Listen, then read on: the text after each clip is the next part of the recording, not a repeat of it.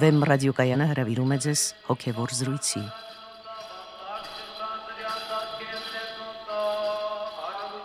Սիրելի ունկնդիրներ, Վեմ ռադիոկայանի ութերում են արժանապատիվ Տերմես Շոփ Քահանա Արամյանը եւ Մանուկ Երգենյանը։ Արխիվում երևում են խաչի տոնն է, եւ այսօր մեր զրույցը այդ տոնի խաչի խորհրդի մասին է։ Օրհնեցեք Տեր հայր։ Աստված օրհնի։ 351 թվականի մայիսի 7-ին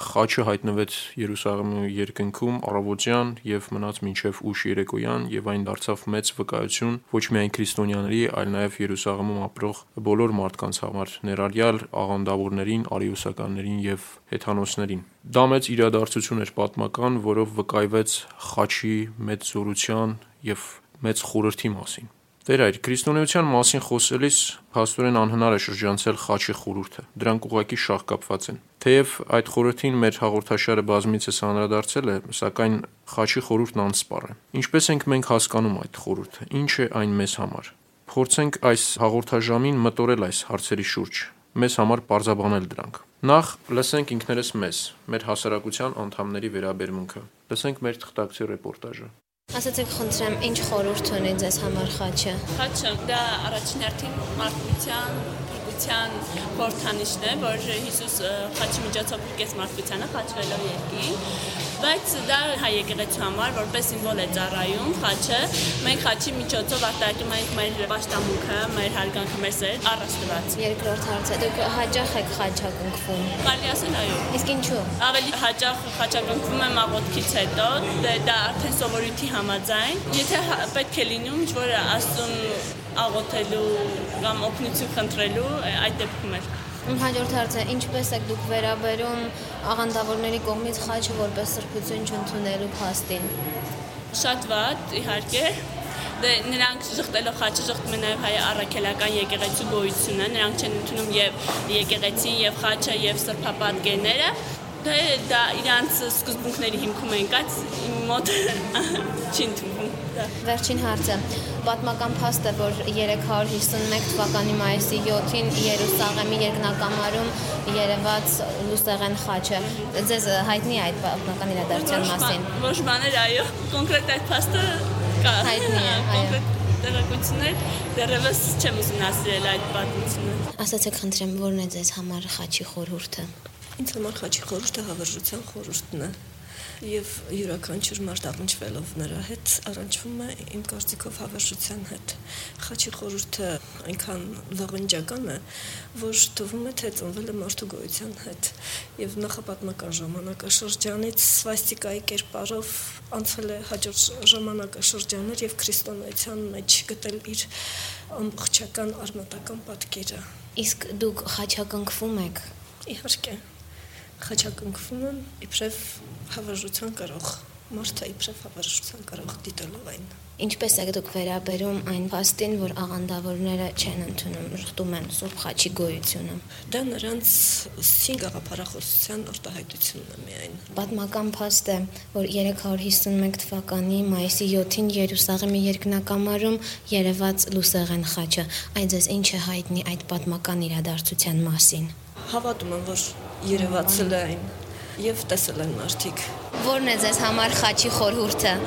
Խաչի խորհուրդը քրիստոնեական գաղափարախոսություն է դա իր մեջ մարմնավորում այն ինչ որ Հիսուսը ավանդել է։ Իսկ դուք խաչակնքվում եք։ Ես ժամանակին խաչակնքում էի նա ժամանակ, հա, երբեմն խաչակնքում։ Իսկ ինչու։ Ավանդույթի ուժով։ Ինչպես եք դուք վերաբերում աղանդավորների կողմից Սուրբ Խաչը չընդունելու, ժխտելու փաստին։ Հացասական, հանուն ձևով։ Խաչի խորհուրդը նա է, որ խաչը մեր եկեղեցու առաքելական եկեղեցու քրիստոնական եկեղեցու խորհրդանիշն է եւ աղանդավորները պայքարում են խաչի դեմ մեր չեն ընդունում խաչ եւ չեն ընդունել իմիջայլոց միջնադարում կոնտրակեցները եւ այլն բայց մենք դա չենք կարող համաձայնվել դրան որովհետեւ եթե մահմեդական այսպես ասած շենքերի վրա իրենց հավաքատեղիների վրա կա լուսին Իսկ մեր եկեղեցու վրա անպայման պիտի խաչ լինի, որտեղ դա մեր խորհրդանիշն է։ Եթե մենք մեր խաչ անում ենք, ուրեմն դուս է գալի ինչ է, մենք պիտի նրանց արժեք խոնարհվենք։ Ոչ, դա երբեք չի լինելու։ Խաչը մեր խորհրդանիշն է, դարեշանակ մեր պապերը, տատերը, մեր ժողովուրդը համբուրել է, խոնարհվել է խաչի արժե, եւ հիմա խաչի հրաժարվել մենք չենք կարող։ Եվ ինչ մնում է աղանդավորներին, ես առասարակ բացասական կարծիք ունեմ աղանդավորների նկատմամբ, որովհետև աղանդավորների համար հայրենի գոյություն չունի եւ զարմանում է որ կարող է մարդիկ գտնվեն անգամ, որ հակառակության գնան խաչակնքում եմ, հավատում եմ եւ լրիվ դեմ եմ աղանդավորությանը։ Որն է ձեզ համար խաչի խորհուրդը։ Ինձ համար խաչի խորհուրդը այն է, որ Քրիստոս խաչվեց, դա համարվում է որպես փրկության խորհրդանիշ։ Իսկ այ դուք խաչակնքվում եք։ Այո։ Իսկ ինչու։ Իմ կարծիքով ամբողջ քրիստոնյաների պարտքը խաչակնքվել թե եկեղեցում, թե եկեղեցուց դուրս։ Իսկ ինչպես եք վերաբերում աղանդավորների կողմից Սուրբ խաչը չընդունելու փաստին։ Հանդավանների գաղափարախոսությունից իմ կարծիքով այն է, որ նրանք համարում են խաչը որպես սպանության միջոց Քրիստոսին, որ սպանել են, բաժի միջոց են ընդունում, բայց նրանք չարաչար սխալվում են, որովհետև նրանք չեն իմանում չեն ըմբռնում այդ խորհրդի իմաստը։ Պատմական փաստ է, որ 351 թվականի մայիսի 7-ին Երուսաղեմի երկնակամարում երևաց լուսեղեն խաչը։ Այդ ձեզ ինչ է հայտնի այդ պատմական իրադարձության մասին։ Ճիշտն ասած, այդ պատմական իրադարձությունից ես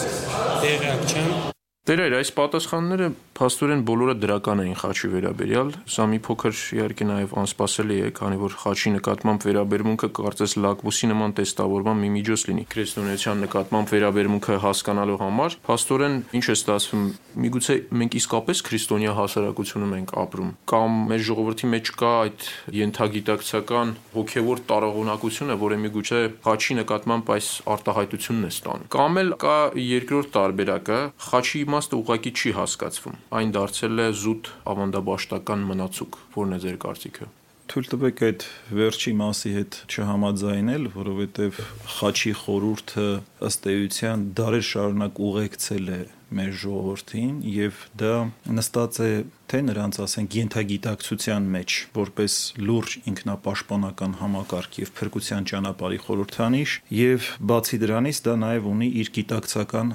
արտահայտությունը Այսինքն ընդհանրապես խաչի իրողությունը քրիստոնյաների համար դա մի ֆունդամենտալ իրողություն է եւ հնարավոր չէ, ասենք, ուղափառ գիտակցություն ունեցող որևէ մարդ դրան լրջորեն չվերաբերի։ Նամանավանդ ասենք մեր ժողովրդի մեջ, որտեղ մենք մեզ անվանում ենք խաչապաշտ ժողովուրդ, այսինքն մեր պաշտամունքի մեջ խաչը շատ մեծ տեղ է ունեցել, ընդհանրապես մեր արվեստի մեջ, մեր մշակույթի մեջ եւ այլն, եւ մենք իհարկե խաչի խորհրդաբանությանը կարծում եմ այսօր կանրադառնանք։ Ես կարծում եմ, որ ամենևին էլ մարդկանց կողմից այս կարծիքները պատահականություն չէին։ Եվ սա նաեւ ցույց է տալիս տալիս, որ մենք ունենք հոգևոր գիտակցության արտնացում ընդհանրապես կա հոգևոր զարթոնքի փաստացի իրողություն եւ նաեւ ամենայն վստահությամբ մենք կարող ենք ասել, որ մեր ժողովրդի երևի 95%-ից ավելին հայ առաքելական եկեղեցու հետևորդներ են։ Այդ ավանդավորները, որքան էլ տխուր է սա իրենց համար, պետք է գիտակցեն, որ իրենք փոքրամասնություն են Հայաստանում։ Ուղղակի դա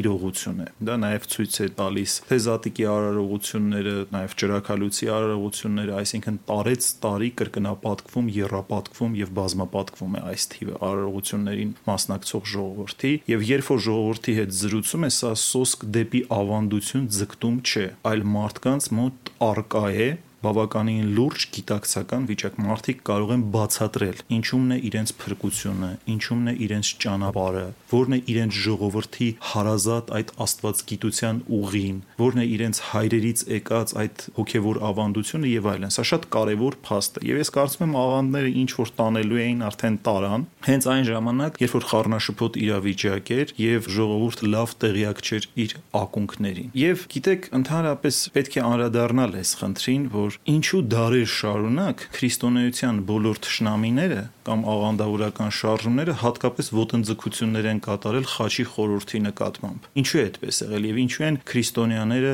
այդպիսի շեշտադրումներ կատարել խաչի խորհրդի վրա։ Եվ սա պարզապես սիմվոլ չէ, թեպետ ինքը նաեւ շատ հզոր սիմվոլ է քրիստոնեության սիմվոլ է, յուրաքանչյուր կրոն ունի իր սիմվոլը եւ այդ սիմվոլները պատահական չեն առաջանում, այսինքն դա ուղղակի ինչ որ ցանկությամբ ընտրված սիմվոլ չէ, դա կապված է այդ կրոնի ներքին իրողության հետ։ Դե Տերեր, անդրադառնանք այդ խաչի կարևորությանը։ Պողոս Արաքյալը ասում է. «Մենք քարոզում ենք խաչված Քրիստոսին՝ ի գայթակղություն հрьяաների եւ ի հիմարություն հեթանոսների, բայց նրանց համար, որ կանչված են հрьяաներ թե հեթանոսներ, Քրիստոսը Աստծո զորությունն ու Աստծո իմաստությունն է»։ Ինչու է խաչն այդքան կարևոր քրիստոնյաների համար։ Եվ նաեւ ինչու է այդ կարևորագույն խորհուրդը օտար այս աշխարհին։ Դա իսկապես լուրջ բան է եւ պետք է նախ եւ առաջ հասկանալ, որ խաչի բուն խորհուրդը դա հավատքի խորհուրդ է եւ դա ինչ որ առումով ծածկված է այս աշխարից, այսինքն ամեն մեկը չի կարող ուղղակիորեն հաղորդակից լինել այդ խորհրդի հետ։ Դրա համար պետք է լուրջ ներքին դարձ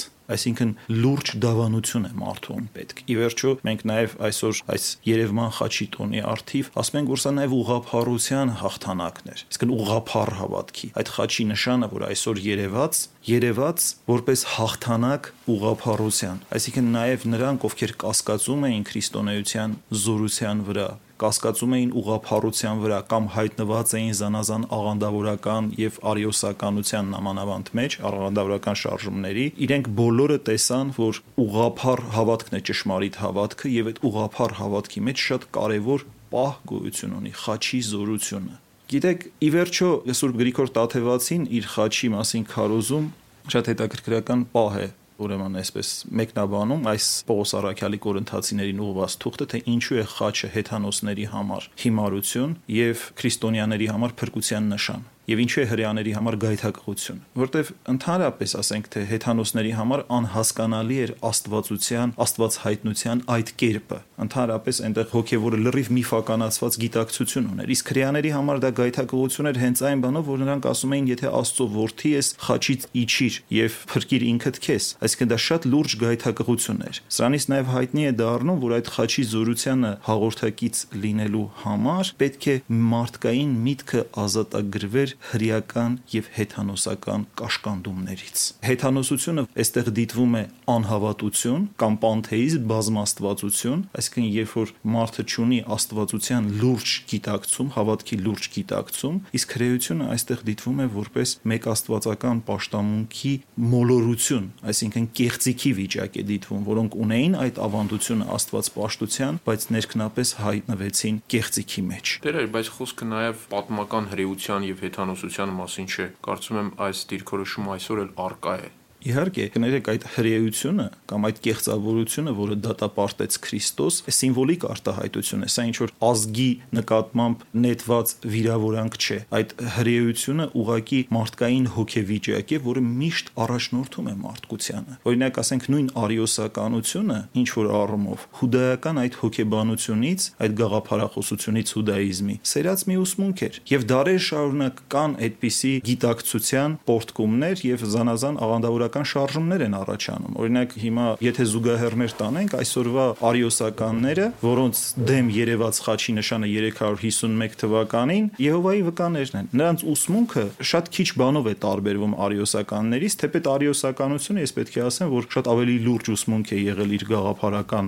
որոշ փիլիսոփայական հիմնավորումներով, քան այսօրվա Եհովայի վկաների ուսմունքը։ Եհովայի վկաները առանձնապես ուսմունք չունեն, դա տիպիկ աղանդավորություն է։ Ես նկատի ունեմ աստվածաբանական տեսակ տեսանկյունից նրանց, այսպես ասած, բոլոր տեսանկյունները շատ քիչ հիմնավորված են։ Էնպես որ դա առաջնորդում է մարդկանց եւ իհարկե նաեւ անհավատությունը փրկagorցության նկատմամբ։ Սա նույնպես վիճակ է, հեթանոսական վիճակ է, որ մարդու մոտ կա կրապաշտական վիճակ է, որտեղ մարդը չի հասկանում իր փրկության խորհուրդը եւ Աստծո մասին, Աստծո փրկagorցության մասին ունի խիստ առասպելական եւ հեքիաթային պատկերացումներ։ Չի հասկանում, թե ինքը ինչպես է խաչի զորությամբ եւ տիրոջ փրկagorցությամբ կոնկրետ հենց ինքը ստացել այդ փրկության հնարավորությունը, որտեղ ինքը կարծում է, որ դա մի ինչ որ կրոնը կամ կրոնական, այսպես ասած, հավատալիքները դրանք ինչ որ գաղափարախոսական բաներ են։ Ընդունում են կամ չենք ընդունում եւ այլն։ Դրանից է ընդհանրապես կախված բայց դա այդպես չէ, դա ֆունդամենտալ ներքին իրողություն է։ Մարդու ներաշխարը վերափոխելու հզորագույն ճանապարհն է, որ տրված է մարդկությանը Հիսուս Քրիստոսով։ Դերել բացատրեք խաչի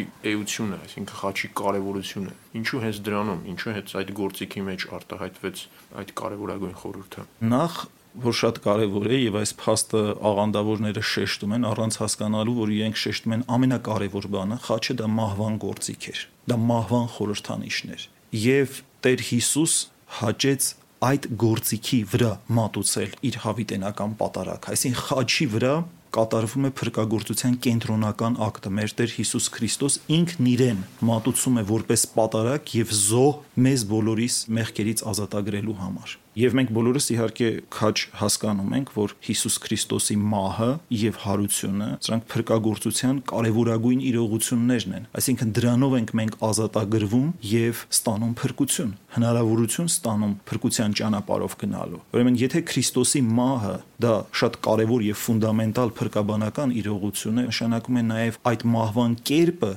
կարևոր է Այսինքն այն, ինչ որ Հիսուս ավանդեց աշակերտներին վերնատանը, ասելով, որ սա կանեք իմ հիշատակի համար, ինքը դա մատուցեց խաչի վրա, ինքն իրենով արդեն փրկության զոհաբերությունը, այդ անարյուն պատարակը։ Աղանդավորները ասում են՝ դուք պաշտեք խաչյալին, բայց ոչ թե այդ կերպը մահվան։ Այստեղ մենք լուրջ կերպով պետք է հասկանանք, որ ավետարանում նախ ոչ մի պատահական բան չկա։ Ըստ աղանդավորների ավետարանում լիքը պատահական բաներ կան շատ պատահական բաներ կան, բայց ոչ մի պատահական իրողություն կամ թիվ կամ սիմվոլ ավետարանում չկա։ Ավետարանը ամբողջությամբ վերաբերում է մեր փրկagorցությանը։ Այսինքն այն ճանապարհը, որ Հիսուս Քրիստոս անցել է, դա շատ կարևոր է մեզանից յուրաքանչյուրի համար, որովհետև մենք տնկակից լինելով Քրիստոսի մահվանը հաղորդակից ենք նաև մասնակից ենք նրա հարությանը։ Ուրեմն մենք պետք է հասկանանք ինչ է նշանակում Քրիստոսի մահվանը տնկակից լինել եւ ինչպես մենք պետք է տնկակից լինենք։ Եկեղեցու հայրերը ասում են խաչվելով այս աշխարհի համար, որովհետեւ Քրիստոս նախ մատուցեց այդ խաչի պատարակը։ Ուրեմն նշանակում է այդ խաչի ճանապարհով գնալով մենք հաղորդակից ենք լինում մեր Տեր Հիսուս Քրիստոսի չարչարանքներին, տնկակից ենք լինում նրա մահվանը եւ նաեւ նրա հարությանը։ Սա շատ կարեւոր իրողություն է։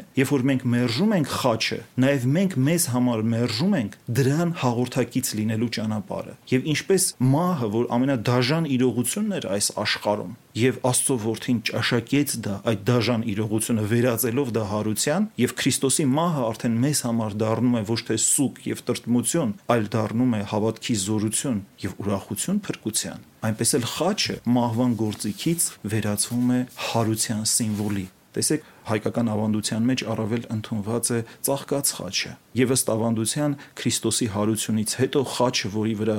խաչվեց մեր Տերը, խաչափայտը ծաղկեց ցույց տալով որ դա այլևս մահվան գործիք չէ ինչպես վախենում են աղանդավորները այլ դա վերածվել է հարության գործիքի որովհետև դրա վրա խաչվել է Տերը մեր Տեր Հիսուս Քրիստոսն է դրա վրա խաչվել եւ իր սուրբ չարչարանքները մեզ փրկagorցելու համար կրել է այդ խաչի վրա։ Ուրեմն խաչը ինքը պարզապես ինչ որ մի սիմվոլ չէ, այլ խաչի խորհրդի հետ զուգակցված է ամբողջ փրկagorցության խորհուրդը, Քրիստոսի չարչարանքների խորհուրդը։ Եվ դրա համար այդ խաչի քարոզությունը փաստորեն ըստ Պողոս Արաքյալի կորստյան մատնվածների համար հիմարություն է, իսկ փրկվածների համար Աստծո զորություն, որովհետև փրկվածները հասկանում են, որ հենց խաչի վրա ծավալվեցին փրկagorցության հիմնական գործողությունները եւ այդ խաչից եկող զորություններով է, որ ընդհանրապես քրիստոնեությունը գոյություն ունի։ Եվ երբ որ մենք խոսում ենք խաչի մասին, մենք ինչ որ փայտյա կամ ինչ որ երկաթյա սիմվոլի մասին չենք խոսում, այլ նախ եւ առաջ խաչի մասին խոսելով մենք նկատի ունենք մեր Տեր Հիսուս Քրիստոսի փրկagorցական ակտ ֆակտորը, որոնք կապված են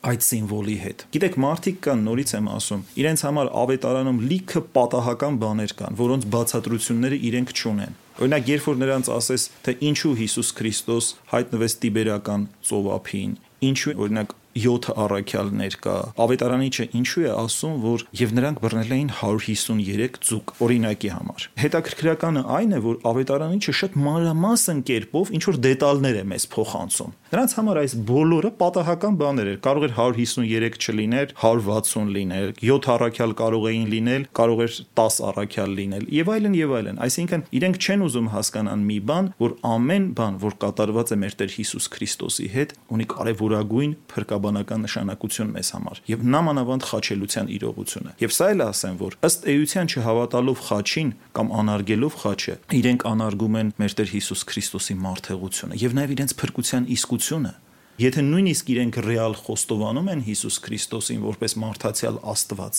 նրանց խոստովանության մեջ կա վերացարկության շատ լուրջ պահ։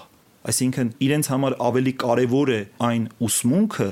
որ գրված է կամ այն ուսուցումները, քան հենց ինքը Հիսուս Քրիստոս որի հետ միավորումը ամենակարևոր բանն է։ Դերեր չեք կարծում, որ նաև կոմֆորտի պահ կա, որովհետև է ընդունես նաև սեփական խաչը կրելու պարտավորությունը եւ փաստը։ Անշուշտ սա նույնպես կա, եւ այդ սեփական խաչը կրել եկեղեցու հայրերը ասում են նախ եւ առաջ նշանակում է մեռնել այս աշխարհի համար։ Պողոս Արաքյալը ասում է, որ աշխարհը խաչված է ինձ համար եւ ես խաչված եմ աշխարհի համար եւ ասում է քավլիցի ինձ པարծենալ գահատացիներին ուղված թղթում այլ բանով եթե ոչ մեր Տեր Հիսուս Քրիստոսի խաչով Ուրեմն նախ ասում է, որ ես ուրիշ բանով չեմ կարող པարծենալ եւ իմ մեծագույն པարծանքը խաչն է եւ շատ հետաքրքրական է։ Ինչ է դրանից հետևում այդ խաչով པարծենալուց, ինչ է հետևում, երբ որ մենք դավանում ենք Հիսուս Քրիստոսին ճշմարտապես, հետևում է, որ մենք պետք է խաչվենք այս աշխարհի համար եւ աշխարհը մեզ համար պետք է լինի խաչված, դա է խաչի խորհուրդը։ Եվ իհարկե այդ պարտականություններից խուսափելու համար,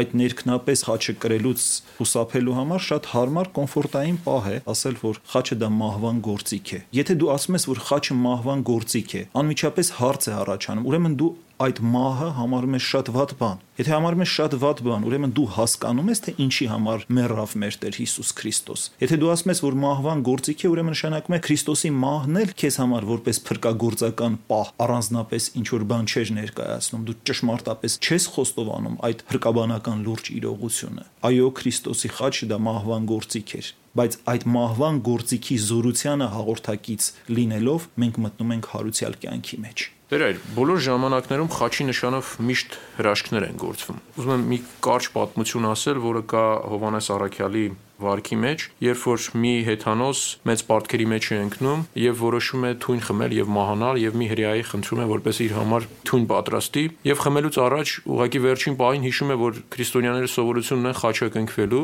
խաչը կնքվում է, խմում է եւ բարձվում է որ այդ թույնը կորցրել է իր զորությունը եւ նա չի մահանում։ Եվ այդպես երկրորդ անգամ եւ ի վերջո եւ այդ հրեան եւ այդ հեթանոսը դարձի են գալիս Հովանես Արաքյալի քարոզությամբ եւ ի վերջո Հովանես Արաքյալը նրան փրկում է այդ իր պարտքերից ավազը ոսկի դարձնելով։ Հետաքրիր է, ինչու է խաչը այդքան կապված հրաշքի հետ։ Որովհետև նախ խաչի վրա տեղի ունեցավ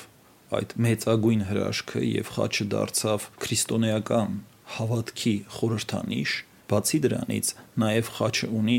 շատ մեծ պահպանական զորություն։ Ինքը ուղղակի պահպանական նշան է յուրաքանչյուր քրիստոնյայի համար։ Բացի դրանից խաչակնքվելը ունի մեծ զորություն։ Իհարկե ոչ այսպես թեթևակի խաչակնքվելը։ Մարդիկ շատ հաճախ օրինակ խաչակնքվելու իմաստը լավ չեն հասկանում եւ պետք է ասել, որ խաչակնքվելը նախ ամենակարճ աղոթքն է ընդհանրապես եւ առանց աղոթելու եւ խաչի խորհրդի հետ հաղորդակից լինելու մտովի հոգով խաչակնքվել չի կարելի։ Այսինքն ամեն անգամ, երբ որ մենք խաչակնքվում ենք, մենք պետք է հասկանանք, որ աղոթք ենք մատուցում Աստծուն, երկրպագություն ենք մատուցում Աստծուն, եւ դրանով մենք արտահայտում ենք մեր քրիստոնեական հավատքը նամանավանդ անընդունելի է կատակների մեջ, ծաղրական կերպերով, խաչակնքվելը, դերասանական բաներ անելը, դրանք շատ վատ բաներ են եւ ուղակի դրանով անարգվում է քրիստոնեական հավատքը։ Ամեն անգամ, երբ որ մենք խաչակնքվում ենք, մենք պետք է նկատի ունենանք որ մենք դրանով հաղորդակից ենք լինում մեր Տեր Հիսուս Քրիստոսի կենարար խաչի զորության հետ,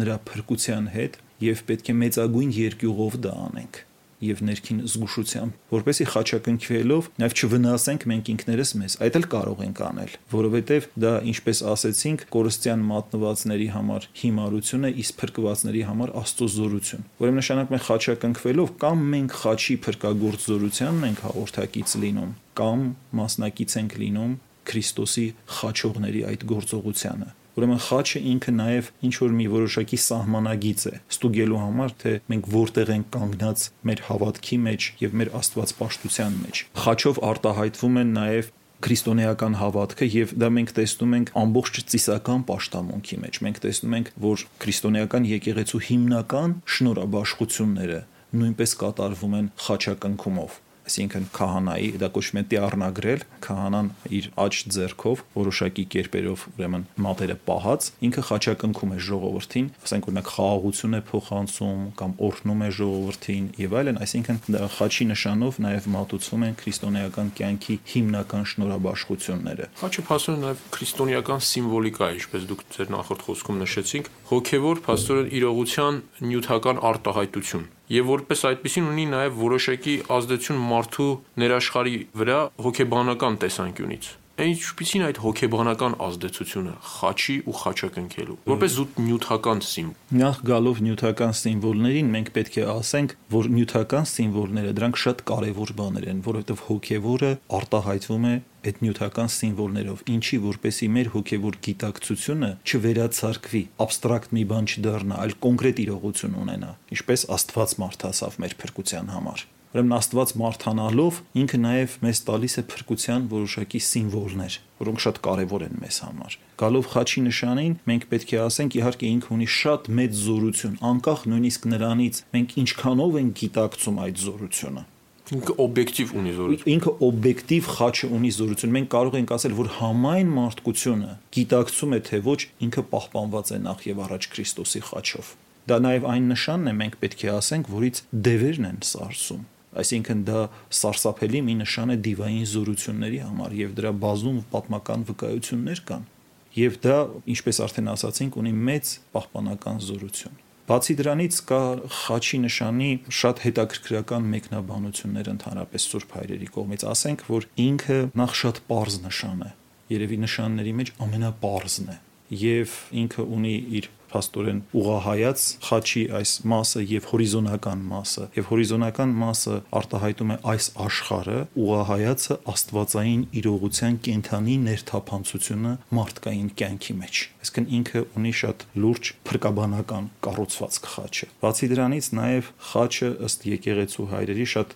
գեղեցիկ ներփողյան ունի խաչի Դավիթ անհախտը որտեղ ինքը մեկ առ մեկ նկարագրում է խաչի խորհրդաբանությունը խաչը դա կենաց ծառն է իսկ Հիսուս Քրիստոս այդ կենաց ծառի վրայի հարության պտուղն է։ Եվ ասում է, որ Դավիթ անհախտը այն կենաց ծառը, որը բոցեղեն սրով պաշտպանված էր, այսինքն այլևս Ադամը չէր կարող մոտենալ այդ ծառին, այդ ծառը Քրիստոսի փրկagorցությամբ բացահայտվեց ընկած մարդկային բնության մեջ եւ մենք ճաշակեցինք այդ պտուղը։ Կենաց ծառի պտուղը հենց ինքը մեր Տեր Հիսուս Քրիստոսն է անմահության այդ ճաշակումը մեր Տեր Հիսուս Քրիստոսի մարմինը եւ արյունն է։ Խաչը նաև նմանեցվում է այն սանդուղքին, որը տեսավ Հակոբը հին ուխտում այսինքն դա երկրից դեպի երկինք ձգվող այդ սանդուղքներ, որով մարդիկ բարձանում էին դեպի փրկություն։ Խաչը նաև նմանեցվում է Մովսեսի գավազանին, այսինքն Աստծո զորությանը, որով կատարվում են մեծամեծ հրաշքներ։ Խաչը նմանեցվում է նաև այն լուսավոր ամպին, որը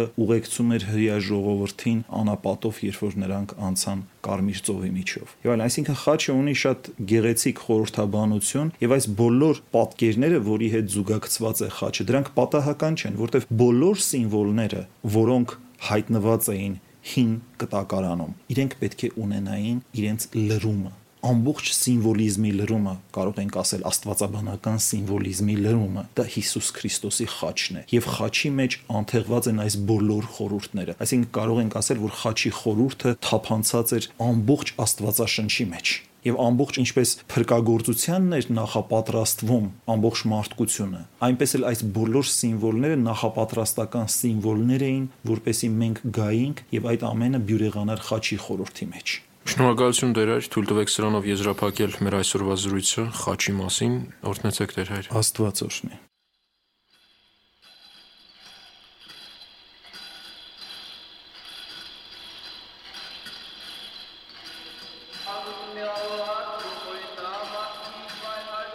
Հոգևոր զրույցներ հաղորդաշարի հերթական հաղորդումը վարեց Մանուկ Հերգնյանը։